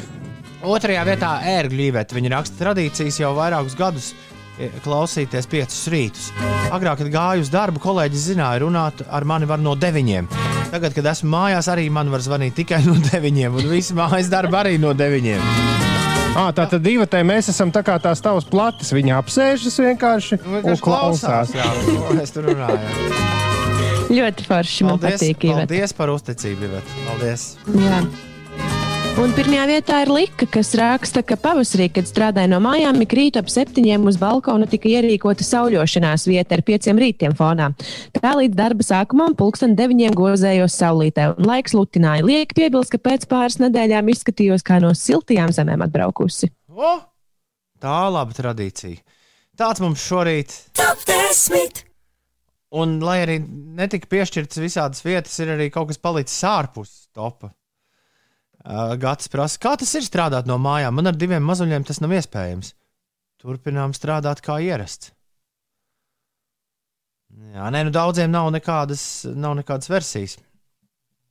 Ir īpaši lielos oficiālos galvaspilsētā strādājošiem. Viņiem vienkārši pateikts, nenāc un viss. Pelīt no mājām strādājot, saģērbis siltās, siltās zeķītēs un halātā raksta Grencis. Un uh, Tomā raksta, esmu laikam viens no retiem, kas strādā darba vietā, attālināti no mājām. Nu, tad uh, Tomā to ir darījis visu laiku, nu, regulāri, arī pirms viss šis sākās. Jā, bet interesantākais, ko par strādāšanu no mājām es esmu lasījis, ir par to, ka sarēķinot tās, nu, piemēram, ja tev bija stunda jābrauc uz darbu, tad sareizinot tās divas stundas, sanāk desmit stundas nedēļā. Un, ja to visu sareizina ar cik tām 45 nedēļām darbā, nu, cik tu strādā, var sakot, sanāk, ka tu kaut kādas 20 dienas dabū klāt. Ja tev darbs ir tāds, kur nav no, no stundas līdz stundai, bet ja tu vari vienkārši strādāt nu, uz izpildīto darbu apjomu, tad uh, strādājot no mājām, ja tev, piemēram, kā mūsu draugam Lācis, kurš Jālgavā dzīvo, tagad nu, nebraukā vairs uz Rīgu, viņš ietaupa divas stundas katru dienu. Un tas sanāk 20 dienas gadā apmēram. Vai tas ir nopietns laiks, tur jāsāk domāt par kādu jaunu hobiju? Viņš būvē māju. Kā ar to Pats. visu? Kā ar to visu tik galā? Jā, nu tas droši vien ir. Tas droši vien ir iespaidīgi. Uh, sveiciens, Kaspar, ja tu netīšām mūs dzirdi. Viņš gan man vienā dienā teica, ka nesanāk mūs klausīties. Kā daudziem, bet daudziem redz atkal sanāk. Arī esot mājās. Lai visiem izturība un laba veselība. Tā, nu tagad ir palikušas divas minūtes, kad nav ne jēga spēlēt dziesmu, ne arī īsti ir par ko plāpāt. Bet uh, visai drīz uzrādīsies ziņas, un, uh, un man visu laiku man kaut kas kaklā ir ieķēries. O, īstais mirklis, un tev izstāstīt par to, kā tev kaklā kaut kas bija ieķēries. Jo man ir kaut kas kaklā ieķēries, un, un es visu laiku slēdzu ārā mikrofonu, lai man jūs nebūtu jāapgrūtina ar trakām skaņām. À, man bija traki. Es, es vakardien biju, rād, nu, man bija mēģinājums, un radio kafejnīcā, tāpat kā visās kafejnīcās, galdiņi novākti, jo uz vietas ēst nevar. Bet nu, tu paņem līdzi un tad ej meklē kādu kaktiņu, kur nav cilvēki, kur to savu plovu apēst. Un man savaidzējās mazliet uh, garšvielas. Es aizgāju atpakaļ kafejnīcā pie kases, un tajā brīdī, kad es biju piecēlējis kājās, ar masku, protams, es aiz maskas kaut kādu plova graudiņu, nu, īstu graudu ieraugu elpadā. Un, stā- un tur bija cilvēki, un es tā ejot pēc sava garšvielā, pēkšņi sāku nekontrolēt un nenormāli klepot. Nu, ziniet, kā ir, ka īsi ir el elpodā. Jā. Un tur stāv māra eglīte un vēl kaut kādi cilvēki. Visi O, tur tādā attālinātā rindā, un pēkšņi tur nāk ziediņš ar. Man bija tāds kauns. Tu neko nevari izdarīt, jo ko tu teiksi? Rīs, Bet tu rīs. teici, bet tu teici ka tā, ir, tā nav pirmā reize, kad tev tā gadījies ir pēdējā laikā. Otra reize bija stāvot pie sarkanās gaismas ar loketas konfekts, to uh, sīrupiņu, ko es arī ieraugu kaut kur elpodos. Un arī Oi. stāv, stāv cilvēkos, un man bija maska, jo es teicu, iet drogās iekšā. Un, nu, labi, tas nebija svarīgi.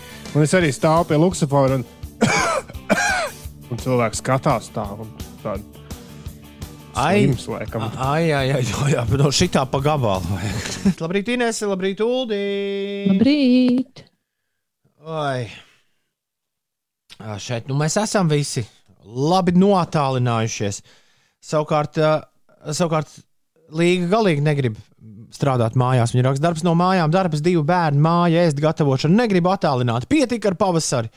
Nu, Pagaidām, acīm redzot, tie, kur pavasarī aiztriec, ir arī daži, kas aiztriec darbiniekus mājās. Pavasarī tie vēl to nav izdarījuši šajā laikā. Kaut, kaut man jau šķiet, ka nu, tā bilde jau ir krietni baisāka nekā tas bija pavasarī. Vien pavasarī mēs neko vispār nesapratām. Hip hip urā, raksta Linda, super sveicienu superīgam jubilāram 33 gados. Acīm redzot, jubilārs sēž mašīnā, nu tā kā blakām un ļoti labi zina, ko pats ēdis. Tas ir domāts. Viņš zina, kad viņš ir, kad viņš ir dzimis. Viņš zina, ka viņš ir piedzimis vienā dienā ar svarīgiem cilvēkiem. ar Dagmāru Legantu, ar Elitu Veidemani, ar Agitu Ikaunieci, ar Kristu Lohairu, ar Džonu Malkoviču un Džudiju Denču. Tabitai un Sarmītai šodien arī ir svētki. Ulda mamma, Ulda mamma, čau, čau, čau. Tava mamma joprojām ir kvēla mūsu klausītāja. Viņa seko līdzi, ko mēs darām. Vai- Jāatzīst, ka viņa arī, lai gan viņa nav cilvēks, kas klausījās mašīnā, viņa arī mazliet vas, šīs vasaras sākumā.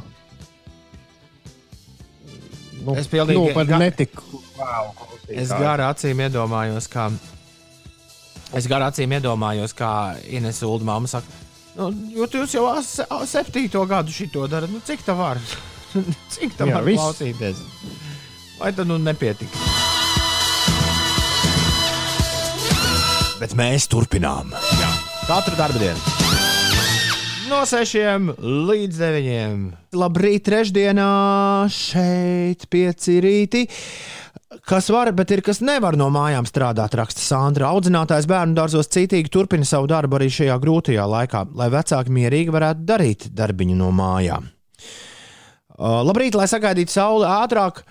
Uh, vajag uzlikt Natāšas Bedingfields dziesmu Pocket Full of Sunshine. Uh, dziesmas mēs liksim no 17. decembra. Kādas jūs vēlaties? Mierīgi arī Natāšu Bedingfieldu. Tikai jāizej uz dod 5 LV un farmacēti izvēlēs to uh, dziesmu un iemaini to lūdzu par uh, pret 5 eiro. Jā. Uh, tur to visu var smuki izdarīt. Līdz tam dziesmas var tikai ULDS, nu kā jau vienmēr padziedāt, bet es šaubos, vai ULDS ir dzirdējis Natāšas Jā. Bedingfields Pocket, Pocket of Sunshine. Jā, uh, farmaceits atrakstīs Pocket of Sunshine, bet to dziesmu sauc Pocket Full of Sunshine. Jā, diemžēl šī dziesma nav manā repertuārā. Nu, Kā tā? Nedzied ikdienā. Nu, nu, Natāšas Bedingfields, es zinu tikai to vienu slaveno. Nu, kur tad? Jā. Nu, to, nu, to tur dziesmu, ar ko viņa kļuva slavena. Es tev padziedāšu, Nu, es tev padziedāšu priekšā. Feel the rain on your skin. No one else can feel about you. Nē, nebūs. For Tā ir- you? Tā ir dziesma, I wanna have your babies. Ne, tā ir cita Mm, dziesma. Unwritten. Unwritten tā bija. Feel the days in your skin. I don't know to feel it for you. No one else can feel it. No one else. Jā, vēl es zinu dziesmu, I wanna have your babies, bet tā arī nav tā, ko viņš gribēja. Jā, Tikko brauc pāri vanšu tiltam, tālumā var redzēt to austošo sauli, raksta Vita. Labrīt, Tom! Uh, Laila raksta. Šī taču ir veca dziesma jaunās skaņās. Neatceros, kas to izpildīja. Par kuru dziesmu tieši tas ir? Var dot šokolādi. Ah. Nu, jā, jā, jā, jā. Linda Līna un Kristīna Jē. Rolands viņus ir ies- iesamplējis. Sveiciens skolēniem un skolotājiem Žuks raksta. Līdz ziemas brīvlaikam ir palikušas astoņas darba dienas. Apsveicam jau nu tiešām. No visas sirds. Un Matīs raksta, ka galvenais ir tirināt žēlēju. Man liekas, ka vislabāk tirināt žēlēju agrās rīta stundās ir tajā brīdī, kad Inês visiem stāstā svarīgas lietas, proti par to, kas notiek. Pamēģinām tagad, 8,21. Es- Ines Vai rāda arī tā es- kā es žēlējas tirinu žēlēju. tirināšana nozīmē? Lūdzu, stāsti, kas Jā. notiek?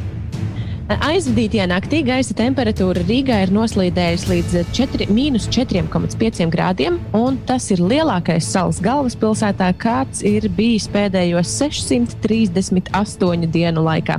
Tā liecina Latvijas gadu? vidas geoloģijas un meteoroloģijas centra informācija. Nē, dienu laikā. Par gaidāmajiem laikapstākļiem turpmākajās dienās šīs nedēļas otrajā pusē Latvijā būs pārsvarā mākoņdienas laiks, brīžiem gaidāmi nelieli nokrišņi, tā skaitā arī atkala. Saskaņā ar pašreizējo globālo forecast sistēmu prognozi sestdien debesis skaidrosies, gaisa temperatūra robežās no 0 līdz minus 6 grādiem.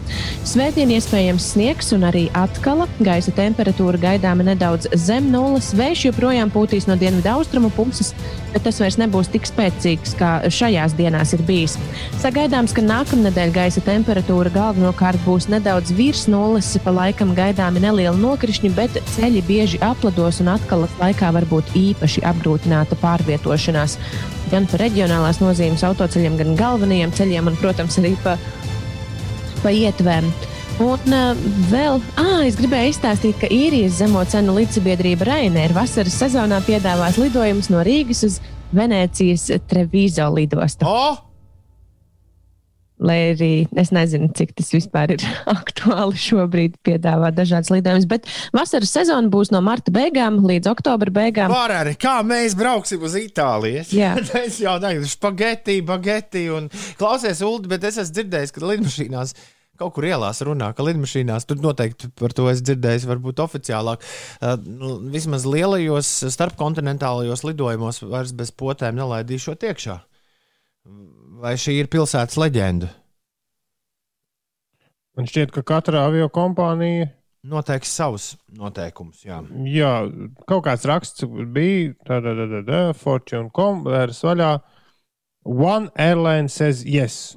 Tātad no visām, no visām avio kompānijām pasaulē viena avio kompānija, Qantas, Austrālijas avio Mhm. kompānija, ir pateikusi, ka viņiem vajadzēs, ka pasažieriem būs jāpierāda, ka tie ir vakcinēti pirms uh, tikt uz borta. Tātad viena avio kompānija no visām avio kompānijām pasaulē, kuras ir nu, cik tūkstošiem Jā. vai simtiem. Nezinu. Nu, man liekas, ka varētu būt pāri tūkstotim. Cik interesanti tā cilvēka, mm, cilvēka prāts strādā. Kāpēc Agris raksta to, ko viņš raksta? Ko? Agris raksta, ka pirmos vajag vakcinēt tos, kas visu apli brauc pa pirmo joslu un nelaiž normālus šoferīšus. Nu, baigais joks, Agri. Ha, ha, ha. Gaujā jau ledus saliņas ziņo Santa un Lielastas ezers apsals. Ūdens virskārta vairs nekustās, ziema nāk.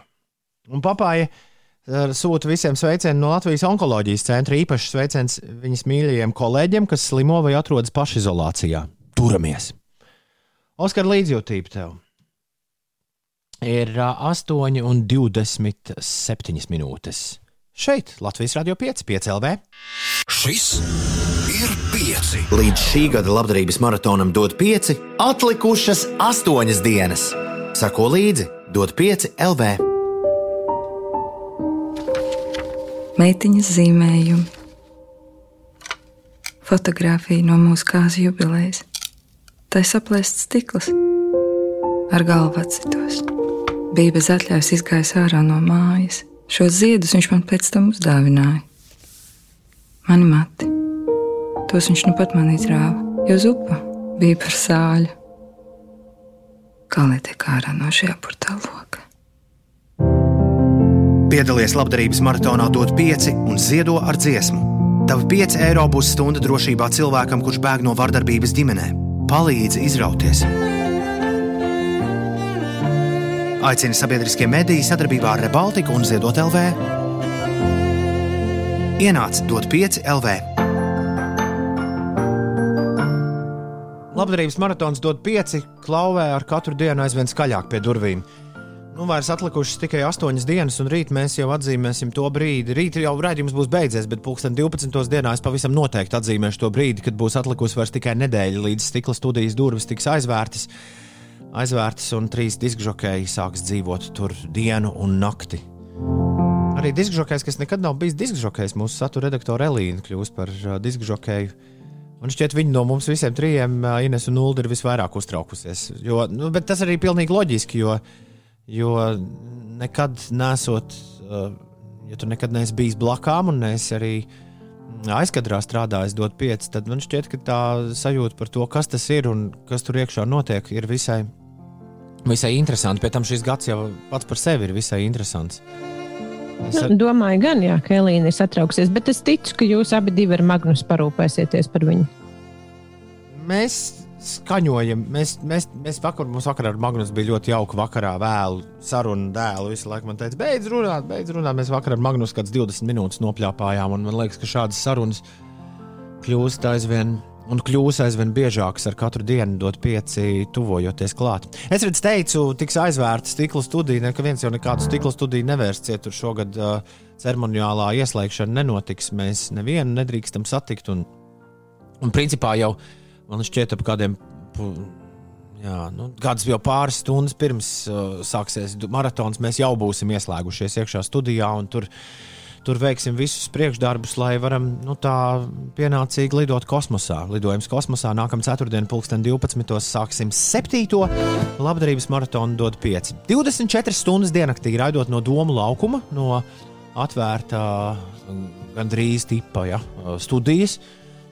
šogad sadalīts divās daļās. Vienā dzīvosim mēs, otrā daļā ik pa laikam pie mums atnāks ciemos forši cilvēki un izpildīs dziesmas, skaitīs pantiņus. Ar daudziem no jums mēs aprunāsimies. Ja tu atver vaļā dod 5 LV un izvēlēsies vai ieraksti dziesmu, kuru tu vēlēsies dzirdēt, vai nospied pogu nejaušu dziesmu, piemēram, nolēma, ka instrumentu zemeslodes, kas man nu pat izkrita, ir īstā dziesma, par kuru izdarīt savu ziedojumu, tad tev ir iespēja uzrakstīt komentāru, kāpēc tu vēlēsies piedalīties labdarības maratonā, dod 5. Un, Inese ir tas cilvēks, kurš iet cauri visiem, ies cauri visiem komentāriem un izvēlēsies tos ļaudis, ar kuriem mēs runāsim ēterā. Un man šķiet, ka ik viens, kas kādreiz ir uzrakstījis kaut ko tiešām jauku un foršu, it īpaši šajā pirms dot pieci sākuma laikā, ir arī nonācis mm. ēterā. Es taču nemeloju, Ines, vai ne? Nu, ne tikai jauku un foršu. Bieži vien cilvēki dalās tādos ļoti personiskos pieredzes stāstos. Un arī tos es mēdzu aicināt aprunāties ēterā. Ja tu nevēlies ar mums runāt ēterā un piedalīties, dot pieci ar savu balsi, viss pavisam vienkārši neatstāja nekādas savas koordinātas, neatstāja tālruni. To droši drīkst darīt, jā. Bet, ja vēlaties, lai mēs ar tevi sazināmies, un tev nav nekādu iebildumu par to, tad uh, atstāj lūdzu savu tālruni. Un, ja vēl uh, tev viss labi ar Zoom, Skype, FaceTime, WhatsApp video, tad uh, nospied arī podziņu, piekrīt video zvanam ar dodu 5 studiju. Mums ļoti patīk redzēt jūsu Ziemassvētku ainiņas no mājām ar eglīti un, un tā tālāk. Jo dot pieci galu galā ir cilvēki, kas uzliek, piemēram, mājās uz lielā televizora un 24 stundas skatās. Vizuālais radio. Viss būs sakārtots un atkal dot pieci varēsiet ne tikai dzirdēt, bet arī skatīties. Un tad tālāk atliek tikai izvēlēties summu, kur tu vēlēsies uh, ziedot. Bet es vienmēr esmu uzsvērs, ka nav svarīgi, vai tu nu, katram tā rocība, tas, tas ir tik atšķirīgi, kāda mums katram ir. Svarīgākais ir, ka tu piedalies, ka tev nav viena alga. Ka tu pievienojies visiem tiem cilvēkiem, kuri saka, jā, es esmu kopā ar Dodu 5.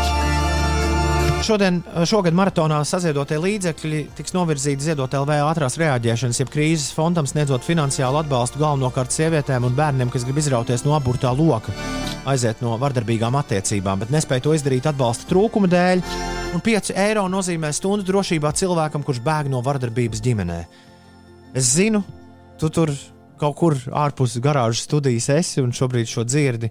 Un es ticu, ka arī tu šogad piedalīsies labdarības maratonā DOT 5. Atver DOT 5 LV 5 rakstot ar burtiem, izvēlēs dziesmu par ziedojumu, un no 17. decembra vienosimies tādā kopīgā, skaistā melodiju virtenē, un labu domu, un, un, un dažbrīd smagu, bet ļoti svarīgu un vajadzīgu sarunu uh, non-stopā.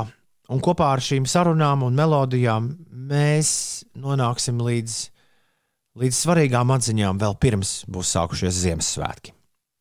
Vakar sanāca stulba situācija šeit, ēterā. Inês bija kaut ko nolasījusi par nominantiem gada Eiropas cilvēkam, un, un es, man liekas, pēc tam izteicu vairākus. Uh, Jūs teicāt, minējumus dažādus. Vairākus minējumus, bet man nebija ne jausmas, kas tur ir iekšā. Uh, tajā sarakstā ierakstīti. Un dažreiz gadās, ka nu, jā, ir balvas, kuras saņem cilvēki, nevis cilvēku grupas. Un tajos gadījumos bieži vien no cilvēku grupas tiek izbīdīts kaut kāds viens cilvēks, redzamākais cilvēks, kurš, kurš tiek pie kaut kāda goda. Man tiešām ir liels gods ieraudzīt savu vārdu Eiropas gada cilvēku nomināciju sarakstā, kur vakar publicēja Eiropas Savienības birojas Latvijā. Ja? Tāds ir oficiāls. Eiropas parlamenta. Eiropas parlamenta birojas Latvijā. Uh, tas ir forši, bet, uh, bet ir pilnīgi skaidrs, ka šī nav mana, mana personīgā nominācija. Kopā ar šo uh, nomināciju tiek atzīmēts katrs cilvēks, ieskaitot tevi, Ulu, un tevi, Ines, kur ir kaut ko darījuši labdarības maratonu dot pieci sakarā, jo nav neviena cita iemesla, kāpēc es esmu nonācis šajā sarakstā. Ir, ir forši gūt atzinību, bet mums ir jādodas uz priekšu un jādara, jādara viss, lai šī gada maratons būtu tik labs, cik vien tas ir iespējams. Bet, protams, vienmēr ir prieks arī saprast, ka tas, ko mēs darām, tiek novērtēts, atbalstīts, un, un kāds saka, jā, ir ļoti labi, ka jūs to darāt. Bet es to visu šajā gadījumā gribēju sasiet kopā nevis tāpēc, ka, lai pieminētu šo faktu, bet tāpēc, ka pagājušā gada Eiropas gada cilvēks Latvijā Ralfs Eilants mums uzdziedās tagad. Un uh, es esmu uzgājis vienu ierakstu no brīža, kad es gulēju. Pašā pirmajā labdarības maratonā dot pieci. Es manā atmiņā neeksistē šāda lieta kas ir notikusi dot 5, jebkad. Bet iedomājieties, pat grupa Pērvēl pirms izjukšanas ir uzstājusies pie mums, dot 5. Un tas notika pirmajā gadā. Un, uh, jā, grupa Pērvēl bija ieradusies pie mums ciemos ar dziesmu Nakts man uzrunā. Un šis ieraksts ir uz visiem laikiem palicis iemūžināts dot 5 magnetofona lentē. Un ir pienācis laiks mums to visiem noklausīties. Grupa pēr, ja Rāfs Elans ir šajā rītā mums, mums pieslēdzies, es domāju, viņš pats arī iespējams neatceras šo, šo notikumu, bet, uh, bet viss ir piefiksēts, Rāf. Grupa pēr, nakts man uzrunā, labdarības maratons dod pieci. Pats pirmais gads, stācijas laukums 2014. gads. Dzīvā Rīgors un uh, nakts manī uzrunā. Dzīvā pastkarte no Dot 5. 2014. gadā nakts mani uzrunā. Tā bija grupa Pēr dzīvajā. Uh, dzīvajā. Uh, Jautājumu, ko ir uzdevusi mums, uh, jā, nodot 5. 2014. gada. Jautājumu, ko mums ir uzdevusi Madara, man arī ir jau uzdevuši cilvēki arī privāti internetā, bet Uldis ir visu izpētījis. Nē, es vienkārši pamēģināju pats aiziet uz DOT 5, un tur ir skaistas ikoniņas, ko sauc uh, Visa, Mastercard un American Express. Un man gan nav ārzemju kredītkartes, ar ko to pārbaudīt, bet, ja es pareizi saprotu, tad tur jebkuras no, šī, no šo te servisu kredītkartēm derēs. Ja es pareizi atceros, un nav teikts, ka es pareizi atceros, tad vienīgā problēma vienreiz mums ir, mēs esam secinājuši, ka kaut kas neiet ar amerikāņu, Amerikā izdotām masterkartēm. Bet uh, tas bija pirms pāris gadiem, un iespējams, ka tā vairs nav taisnība. Es esmu vairākus gadus vēlējies PayPal podziņu ieviest, bet tur arī kaut kas līdz galam nav ar šo kārtībā. Nu, tāda podziņa, diemžēl, šoreiz nav. Man pašam bieži vien maksāt ar PayPal ir visērtāk. Vispār šajā maksāšanas sistēmā man šķiet, ka tur kaut kāda varētu uz nākamo gadu vēl šo to piemest klāt. Nu, kaut kādas tur viena pogu maksājumus, ko piedāvā mūsu bankas, ka tev jau uzreiz viss tur ievadīts. Nu, man liekas, tur ir iespējas, bet, bet viss strādā, viss darbojas. Tā kā, arī šobrīd. Tā, tā kā droši arī ārzemju radiem un draugiem jūs varat stāstīt par dotu pieci un teikt, ka aiziet.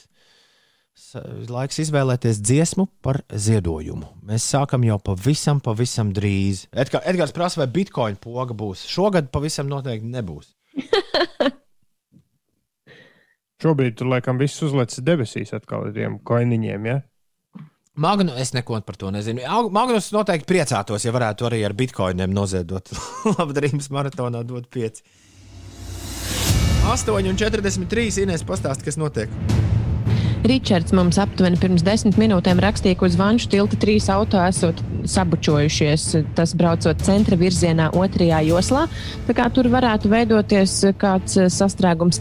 Jūrmālas gatve posmā no dzirciem ielas uz sloks ielu pa labi prasīs teju septiņas minūtes. Ventspils ielā ir aptuveni piecu minūšu aizkavēšanās.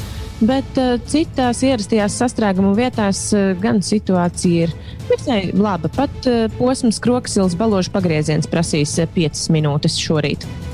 Poligonā Mežainē un tā apkārtnē Skrundas novadā no šodienas līdz 11. decembrim notiks militārās mācības Winter Strike, Latvijas un sabiedroto bruņoto spēku gaisa kuģu lidojumi. Tur būs un tie ir plānoti no pulksten 9 rītā līdz pulksten 4 pēcpusdienā, un Nacionālajie bruņotie spēki aicina iedzīvotājus ar sapratni izturēties pret notiekošajām mācībām un īslaicīgi radītajiem trokšņiem. Vēl atgādināšu, ka šodien un rīt ir pēdējās dienas, kad var pieteikties naudas atmaksai par internetā iegādāto 2018. gada dziesmu svētku biļešu komisiju. Bet, ja esat plānojuši tomēr nepieteikties šai kompensācijai, tad tā naudiņa sadarbībā ar fondu ziedot.lv novirzīta tiks ar dziesmu svētkiem saistītiem labdarības mērķiem. Iecavā tikmēr ar satiksmi viss ok. DJam Bonim tas obligāti mums bija jāpavēsta. Forši dzīvot mazpilsētā. DJ Bonī, lai tev jauka diena! Jā, arī tev, kas mums sakāms, atraksta 293, 202, 293, 202. Ir 45 minūtes pār astoņiem laiks uh, padomāt par jautājumu, ko bija atsūtījis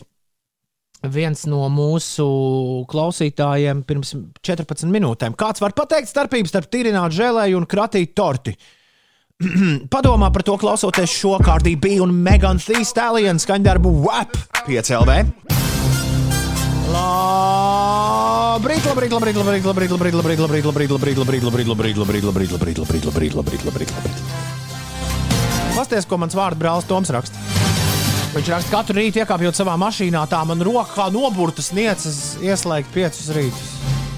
Izrādās, mēs varam kļūt arī par refleksu. Nu, ja tas ir refleks, vai ne? Tu iekāp mašīnā, tu uzreiz rokas sniedzas pēc rīta raidījuma. Interesantās ziņas ir klātas. Vakar kāda 90 gadus veca dāma apvienotajā karalistē Ines kļuva par pirmo cilvēku ārpus testiem, kas saņēmis vakcīnu pret koronavīrusu, ievadot lielāko vakcinēšanas kampaņu apvienotās karalistes vēsturē. Taču viss, kas internetam un ziņu virsrakstu sacerētājiem bija vajadzīgs, bija otrā vakcinētā kunga vārds un uzvārds. Kā otrais vakcīnu saņēma Viljams Šekspīrs no Vārvikšīras. Hmm. Jā. Jāpiezīmē, ka kungam nav nekāda sakara ar slaveno dzinieku un lūgu autoru. Vien tas, ka slimnīca, kurā atradies mūsdienu Šekspīrs, atrodas 20 jūdzes no Stratford upon Avon. Slavenā Šekspīra dzimšanas vietas. Taču tas nav traucējis internetam vakar pamatīgi izplosīties ar jociņiem par visiem iespējamiem Šekspīra darba nosaukumiem un slavenākajiem citē, citātiem. Arī virsraksti daudz vietā pasaules presē skan nevis sāk vakcinēt pret covid, bet gan to be or not to be. Viljams Šekspīrs kā viens no pirmajiem saņem vakcīnu. Savukārt visiem sazvērestības teoriju faniem kāds Twitter lietotājs nodod, nodod ziņu. Svarīga ziņa. Bills Geits šobrīd kontrolē jau četrus vecāku gada gājumu cilvēkus apvienotajā karalistē. Par turpmākajiem sasniegumiem ziņas sekos. Kā Twitter lietotājs vārdā Lajams Janks raksta sekojošajā tvītā, neticam, ka man jāraksta šis otrs tvīts, bet tas bija joks! It's a joke! Mēs sen neesam runājuši par pēdējo nedēļu sensāciju, monolītiem vai vairākus metrus augstiem dzelzceļa gabaliem, kas nezinu, kāpēc uzrodas dažādās pasaules vietās. Un kuru dēļ Ulas Svētdien noskatījās pusi no. Man jau tā likās, ka ar visu netiks galā vienā piegājienā. Pusi no uh, kosmiskās odisejas, no uh, Stanley Kubrika leģendārās filmas. Tur, starp citu, ir starpbrīdis filmā. Tu noskatījies tieši līdz tai vietai? Tur laik, laikam, ka nē, es noskatījos līdz vietai, kur viņi sāk uh, draudzēties ar to, kur tas intelekts viņiem, sā, viņiem sāk rasties konflikts ar to, to robotiņu. Ah, nē, tad tur netika vēl, bet tur, tur ir tāda vieta, jo tajos laikos kino tā darīja ar milzīgām ā, tām Panavision superfilmām, jo šī bija speciāli uz tādu super ā, platekrānu skatām. Un tad tajos seansos viņam bija starpbrīži, un filmai līdz ar to ir palicis arī Netflix versijā mūsdienās. Tur ir uzraksts starpbrīdis. Vienā- Man pavisam vienā mazliet, laikam, pietrūka. Tā varētu būt. Nu, lūk, atcerieties, nesen stāstījām par mistisku dzelzceļa plāksni, kas uzrādījās Tuksnesī, Jūtas štatā, ASV, bet drīz vien kāds to aizvāca, kamēr līdzīgs mistisks stāsts uzrādījās Rumānijā. Ko mēs esam palaiduši garām līdz šim rītam? Rumānijas monolīts ir arī pazudis, tāpat kā Jūtas štata stāps, bet jauns monolīts ir uzrādījies Kalifornijas štata Pine Mountains. Tad vēl viens kaut kur turpat netālu Dienvidkalifornijā, un ziņas par manītu monolītu ir arī no Pitsburgas. Un kā liecina svaigākā informācija, arī Isle of Wight apvienotās karalistes salā pie Anglijas dienvidu krasta ir uzrādījies monolīts. Pagaidām vien dažos gadījumos ir pieteikušies vainīgie. Par abiem Kalifornijas metāla stabiem atbildību uzņēmusies kāda mākslinieku grupa, un daži vīri atzinušies, ka bija tie, kas novāca pirmo no monolītiem - jūtas tūkstneša stabu. Taču izskatās, ka maisam gals ir vaļā, un kā Facebook raksta reklāmas zinātājs Raimons Platacis, cerams, Gaujas Nacionālā parka administrācija būs uzdevuma augstumos un paspēs uzbliest augšā savējo, pirms to ir izdarījis katrs, kam nav slinkums mazliet padarboties ar metināmo aparātu. Bet varbūt tā varētu būt piecu rītu uh, nu, tāda dāvana Latvijai 2021. gadā. Tur te- Video, kā Toms darbojas ar metināmo aparātu. Nē, nē, Uldim teica, man liekas, ir uh, ar zelta rokām. Viņš varētu mums to uh, uztaisīt. Mēs arī gaujas sanlējā viņu varētu uzlikt un aiziet internetā iekšā. Uz vārtu siežu, tad tur sanāk tuvāk. Kāpēc ne? Un noslēdzam mēs šorīt šo leģendāro radiošovu, kurš katru rītu ir dzīvajā, nevis ierakstā. Uh, šajās dienās uh, pat uh, no īpašās garāžas mājas un lauku studijas, tās visas saslēdzot kopā. Um, Mēs noslēdzam šo raidījumu, un interesantās ziņas ar mūsu prezidentu Egilu Levitu citātu, kas pēdējo pāris dienu laikā ir iepriecinājis ļoti daudzus interneta lietotājus. Lai nu paliek iemūžināts magnetofona lentē, arī piecu rītu raidījumā. Lielākā motivācija, protams, ir nesaslimt un sliktākā gadījumā nenomirt. Eh, Tie cilvēki, kuri ir eh, nomiruši eh, no Covid, tiem, protams, šiem Ziemassvētkiem arī nebūs. Nu, jā, tik vienkārši. Tas ir- Viss ir, viss ir absolūti elementāri. Ines. Nav nekā sarežģīta šajā pasaulē. Es sapratu, nu jā. Un, ja būs, tad mēs nu, vismaz ULDS mēģinās jums to izskaidrot. Katru darba dienu. Tieši šeit, šajā laikā. Brīza plešas. Uh, Plešas plašumā, 8,58 minūtēs. Man sāk garāžā palikt augstāks. Uh, Acīm redzot, tāpēc, ka gaisma nāk. Nu, taču parasti ir arī vasarās, vai ne? No rīta, tad, kad uzrodas gaisma, tad ir, tad ir augstāks uzreiz. Visaugstākais ir pirms rītausmas, ja tā, tāds bija teiciens. Vai ne, vistumšākais ir pirms rītausmas. Tieši tagad, nu, tagad ir tā ausma. Tagad, tagad tajā, šajā brīdī saule ceļas augšā pēkšņi. Oh, nē, varbūt tas vienkārši nosals beidzot.